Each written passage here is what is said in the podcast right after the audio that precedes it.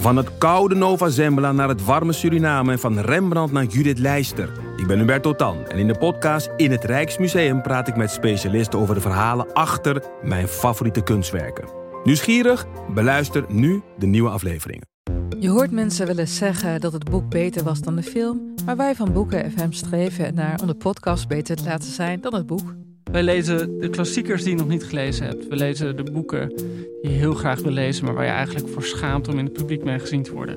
We lezen de Libris-winnaars. Uh, we praten over de Nobelprijslariaten. Allemaal zoals je een etentje hebt. Dat je moeiteloos mee kan praten en dat het lijkt alsof je helemaal belezen bent. Wij zijn Ellen, Joost en Charlotte van Boeken FM. En je kunt ons luisteren in je favoriete podcast-app.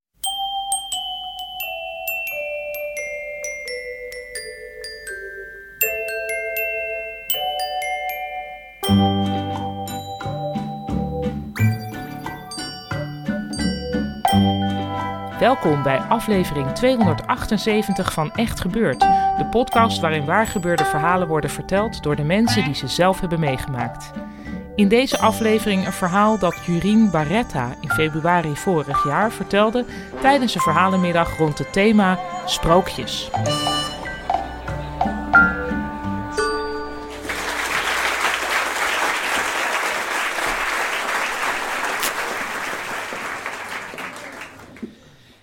Ik was 22 en verliefd op een Noor. Het was zo'n echte viking, breed geschouderd, blond haar, blauwe ogen. Tien jaar ouder dan ik. Ik vond hem heel stoer. Ik had hem ontmoet een zomer eerder toen ik vakantiewerk deed in Noorwegen op een boerderij. En we hadden contact gehouden. We schreven elkaar lange brieven, want het was lang voor het tijdperk van e-mail. En op een dag in maart belde hij mij op. Hij zei: Jurin, heb je zin om mee te gaan om 14 dagen te helpen in een berghut in Noorwegen? Nou, dat klonk heel romantisch, dus ik zei direct ja. Ik naar Noorwegen. En um, om bij die hut te komen moesten we, nou ja, zeg maar een lange dagtocht door de bergen heen. Je kon daar niet komen met een auto of zo. Dus je moest daar skiënd en met een, uh, met een slee moest je daar naartoe. Dus ik trof hem en we gingen met zijn hondenslee, want hij had een hondenslee met zeven honden. Nou, ook natuurlijk heel romantisch. Uh, gingen wij zo de berg in. En ik had skis van hem geleend en uh, schoenen die niet zo heel goed pasten. En uh, dus wij gingen onderweg, ja, langlaufend, skiënd. En al vrij snel kwam ik erachter dat ik eigenlijk niet zo goed kon skiën. Het was ongeveer één, één dagtocht lang om bij die hut te komen. Maar al snel bleek ja, dat we eigenlijk niet hard genoeg opschoten. Nou, zei hij, weet je, kom maar hier met die rugzak. Die kan wel op die slee. Het is eigenlijk een beetje te zwaar voor de honden, maar vooruit. Misschien gaan we dan wat sneller. Nou, Oké, dat geprobeerd. Maar ik kon natuurlijk nog steeds niet echt veel sneller skiën. Dus al snel werd duidelijk dat wij het die dag niet gingen halen naar die hut. Nou, zei hij, weet je wat, dan zetten we de tent hierop. En dan moet je je zo'n hele grote witte sneeuwvlakte voorstellen. Er lag echt wel 2, 3 meter sneeuw. Het was hartstikke koud, het voor minstens 10 graden.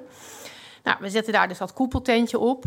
En hij had uh, rendierhuiden mee, die hij dan op de bodem in die tent legde. Heel romantisch. En uh, nou, dus wij installeerden ons uh, in die tent. En er was alleen één detail. Hij had wel eten meegenomen voor de honden, maar niet voor ons. Dus wij moesten ons behelpen met uh, thee met honing. Nou, toen brak de nacht aan en ik hoopte dat hij een move zou maken. Ik durfde dat zelf niet, ik was veel te verlegen. Helaas, er gebeurde helemaal niets. Um, toen brak de ochtend aan, we deden de rits open, we keken naar buiten en we zagen dat het keihard sneeuwde. En er was gewoon helemaal geen zicht. Je kon echt nou 50 meter misschien voor je uitkijken, dat was het. Ja, zei hij, uh, als het niet opklaart, dan uh, kunnen we niet verder. Want um, in Noorwegen is het zo dat rond Pasen, want dit was zeg maar vlak voor Pasen, dan gaat heel Noorwegen naar buiten. En wat ze dan doen in de bergen, dan gaan ze met sneeuwscooters, zetten ze allemaal routes uit met grote takken. Die zetten ze dan in de sneeuw, zodat je een beetje de weg kan vinden. En um, wij waren voor de meute uit, dus die takken stonden er nog niet. Dus ja, zonder die takken en zonder helder zicht konden we gewoon niet verder. Nou, rits weer dicht. Nou, de hele dag klaarde het niet op. En er brak weer een nacht aan. En ik dacht, ja, misschien maakt hij een move. Maar helaas, er gebeurde niets. En tegen de ochtend hoorden we inderdaad in de verte sneeuwscooters aankomen. Dus ze kwamen eraan om die takken neer te zetten. En het was inmiddels ook opgeklaard, dus we konden weer verder.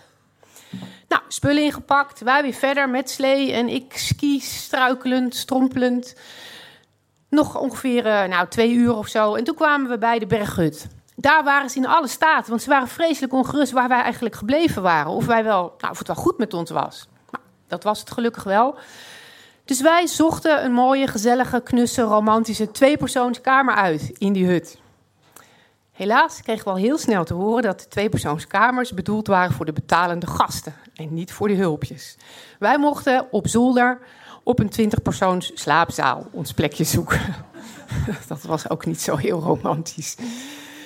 Verder werd het ook helaas in die komende twee weken niet heel erg veel romantischer dan dat. Ik had het wel naar mijn zin. Ik bakte broodjes en uh, ik sjouwde hout en ik smolt sneeuw voor het uh, water, drinkwater. En toen brak het moment weer aan dat we weer terug moesten. Irene zei die, jij kan niet zo goed skiën. Ja, yeah, rub it in. Als jij nou een beetje vooruit gaat. Hè, jij gaat gewoon vast wat eerder weg. En dan kom ik er later achteraan met de hondenslee. en dan gaan we daarna samen verder. Nou, oké. Ik had ook niet zo heel veel keus. Dus ik smeerde een grote stapel boterhammen. Ik vulde een grote fles met van die zoete Noorse limonade. Ik deed mijn rugzak op mijn rug en ik skiede weg. Nou, ik kon natuurlijk nog steeds niet skiën. Dus dat ging allemaal niet zo heel vlot. Af en toe viel ik in de sneeuw. Dus ik was al snel van top tot teen bedekt met sneeuw. Nou goed, ik zette dapper voort. En af en toe keek ik om van, komt hij er al aan? Nou, en na een tijdje, ja, daar kwam hij. Ik zag de slee in de verte aankomen. Dus hij kwam dichterbij en dichterbij en dichterbij. En hij was vlak bij mij en hij zei... Jirien, de honden die kunnen niet langzamer. Dus uh, ik ga verder hoor, ik zie je straks wel. Nou, dus ik bleef een beetje beteuterd achter. Een beetje verontwaardigd ook, ik vond het heel flauw. Maar ja, goed, ik dacht, ah, ik zie hem straks alweer. Ik, ik ski gewoon verder en dan kom ik hem wel weer tegen. Dus ik weer skiën, strompelen, skiën, een beetje pijn in mijn benen. Nou, het ging allemaal niet zo vlot. En kijken of ik hem al zag. Maar ik zag helemaal niks. Ik ben verder en verder. En toen begon het te schemeren. Ik dacht, ja, dat zal toch niet? En ik begon echt heel erg boos te worden. Klootzak! Dat kan je toch niet maken? Je kan me toch niet laten doodvriezen hier in de bergen? Het was echt middle of nowhere. Ik had de hele dag niemand gezien, behalve hem. Heel even. Nou, ik was er stampvoeten en woedend aan het zijn, maar onherroepelijk werd het hartstikke stikdonker. Ja, en toen? Ik dacht, nou ja, ik kan nog wel een tijdje heel erg boos blijven zijn, maar dat gaat me niet echt helpen. Dus oké, ik heb een slaapzak, ik heb nog een paar boterhammen over, ik heb nog een beetje van die limonade. Nou ja, ik ga maar hier dan zo bij die laatste stok die ik nog kon zien, ga ik dan maar mijn matje uitrollen en mijn slaapzak. En uh, ik had eraan gedacht om, uh, om het brood en dat sap in mijn slaapzak mee te nemen. Want ik wist dat ik, als ik dat niet zou doen, dan zou het stijf bevroren zijn. Dan kon ik het ochtends niet meer eten of drinken. Dus nou, ik had me zo geïnstalleerd. En uh, het sneeuwde zachtjes. En ik merkte, als ik een beetje draaide en woelde, dan waar ik lag, daar werd die slaapzak... Daar, daar smolt de sneeuw tegen de slaapzak aan en dan werd die slaapzak nat. Dus ik had al snel door dat ik dat niet te veel moest doen. Want ja, als die slaapzak nat zou zijn, dan zou ik verloren zijn en gewoon ter plekke doodvriezen. Dus ik bleef heel stil liggen. En ik dacht nog van, hoe was het ook alweer? Als je in slaap valt en je raakt onderkoeld, dan merk je niet dat je zachtjes doodgaat. dus ik dacht, ja, moet ik nou wakker blijven de hele nacht voor de zekerheid? Maar ja, ik was natuurlijk back af, dus ja, dat was kansloos. Dus ik dommelde toch zo'n beetje weg. En af en toe dan schrok ik weer wakker en dan dommelde ik weer weg. En op een gegeven moment zag ik dat het weer lichter begon te worden. En er maakte zich een soort euforie van mijn meester. Ik dacht, yes, I did it. Wat goed van mezelf. Dus ik at mijn lauwe boterhammetje. Die diepte ik op uit mijn slaapzak. En mijn lauwe flesje met, uh, met limonade. Ik was heel tevreden dat ik daaraan gedacht had. Dat het niet bevroren was. Ik uh, ontbeet dus. Uh, ja, ik nam mijn ontbijt. En ik pakte mijn spullen weer in. En terwijl ik mijn slaapzak in de rugzak propte. Nou, ik was net een paar minuten uit die slaapzak. hoorde ik al krak, krak, krak. Want hij was al helemaal stijf bevroren in die paar minuten dat ik eruit geklommen was. Nou, Ik weer mijn rugzak op, weer strompelstruikel, nu met spierpijn. En uh, nou, nog een keer twee uur of zo verder skiënd, zag ik ineens het tentje van de Noor. Daar was hij dus. dus ik, en ik was eigenlijk al niet eens meer boos, want ik was gewoon zo trots op mezelf. Dus ik ging naar die tent toe en ik deed de rits open. En hij keek heel slaperig en zei: Oh, heb je de hele nacht uh, doorgeskiet? Ja. Ik dacht, nou, ik kan je niet gaan zoeken, want de honden die zijn te moe. Toen wist ik dat deze prins op de witte slee meer geïnteresseerd was in zijn honden dan in een smachtende sneeuwwitje.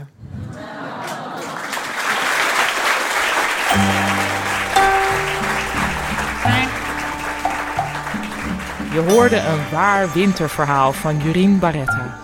Jurien heeft een bedrijf dat Retta heet en vanuit dat bedrijf begeleidt zij ondernemers bij, en ik citeer even, het uitzetten van een heldere koers langs ongebaande paden. Haar verhaal werd in comedyclub Toemler opgenomen door onze technicus Jasper van Oorschot. De redactie van Echt Gebeurd bestaat uit Micha Wertheim, Rosa van Toledo, Maarten Westerveen en mijzelf, Paulien Cornelissen. De productie doet Eva Zwaving. De podcast wordt verzorgd door Gijsbert van der Wal. Dit was aflevering 278. Bedankt voor het luisteren. En als je je afvraagt of je leven wel romantisch genoeg is, bedenk dan dat je in ieder geval niet achter een kille noor met een hondenslee aan aan het skiën bent.